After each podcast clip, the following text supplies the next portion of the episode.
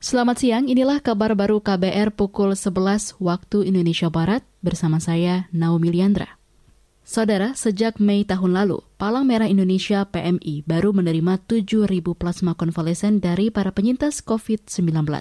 Donor plasma konvalesen itu langsung mendapat supervisi dari lembaga biomolekuler Eijkman. Menurut Ketua Umum PMI Yusuf Kala, rata-rata ada 40 plasma konvalesen per hari yang diterima. Jumlah itu masih sangat kurang karena permintaan plasma konvalesen per hari ke PMI berjumlah 200 plasma. Yusuf Kala mengatakan jumlah pendonor plasma konvalesen dari penyintas COVID-19 harus ditingkatkan lagi jumlahnya hingga lima kali lipat, sehingga bisa mencapai 5.000 plasma konvalesen per bulan. Karena itulah dibutuhkan suatu pendonor lima kali lipat, Pak. Baru kita bisa memenuhi kebutuhan masyarakat dan mengurangi tingkat kematian daripada penyakit ini. Ketua Umum PMI Yusuf Kala berharap para penyintas COVID-19 bersedia mendonorkan plasma konvalesennya untuk mengobati pasien kritis maupun bergejala ringan. Terapi plasma konvalesen berpijak pada pemahaman bahwa seorang penyintas COVID-19 setelah sembuh akan membentuk antibodi dalam tubuhnya. Antibodi itu tersimpan dalam plasma darah dan itulah yang didonorkan kepada pasien COVID-19 lain yang belum sembuh. Kita beralih ke berita selanjutnya, di mana tren pariwisata tahun ini lebih cenderung pada pemenuhan kebutuhan liburan dalam waktu kunjungan singkat.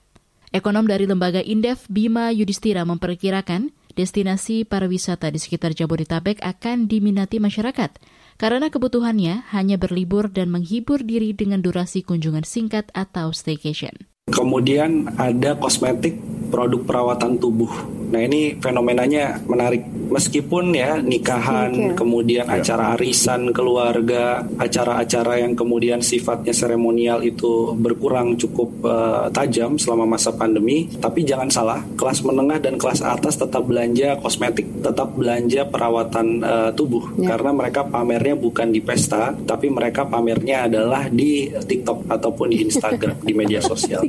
Ekonom Indef Bima Yudhistira juga memperkirakan ada sejumlah produk ekspor yang trennya bakal meningkat pada tahun ini. Antara lain komoditas coklat, kopi, sawit, vanila, dan juga minyak goreng. Saudara, varian baru virus corona di Afrika Selatan terbukti mengikat lebih mudah dan kuat ke sel manusia.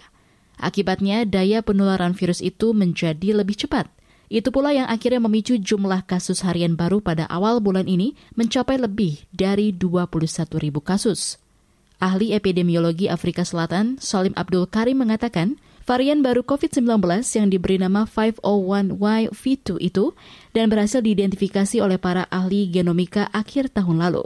Varian baru COVID-19 disebut-sebut memiliki lebih dari 20 mutasi termasuk peningkatan protein yang digunakan virus itu untuk menginfeksi sel manusia. Para ahli di Afrika Selatan juga mengkhawatirkan respon imun dari vaksin COVID-19 karena mutasi pada lonjakan protein bukan tidak mungkin melenyapkan efek vaksin sepenuhnya.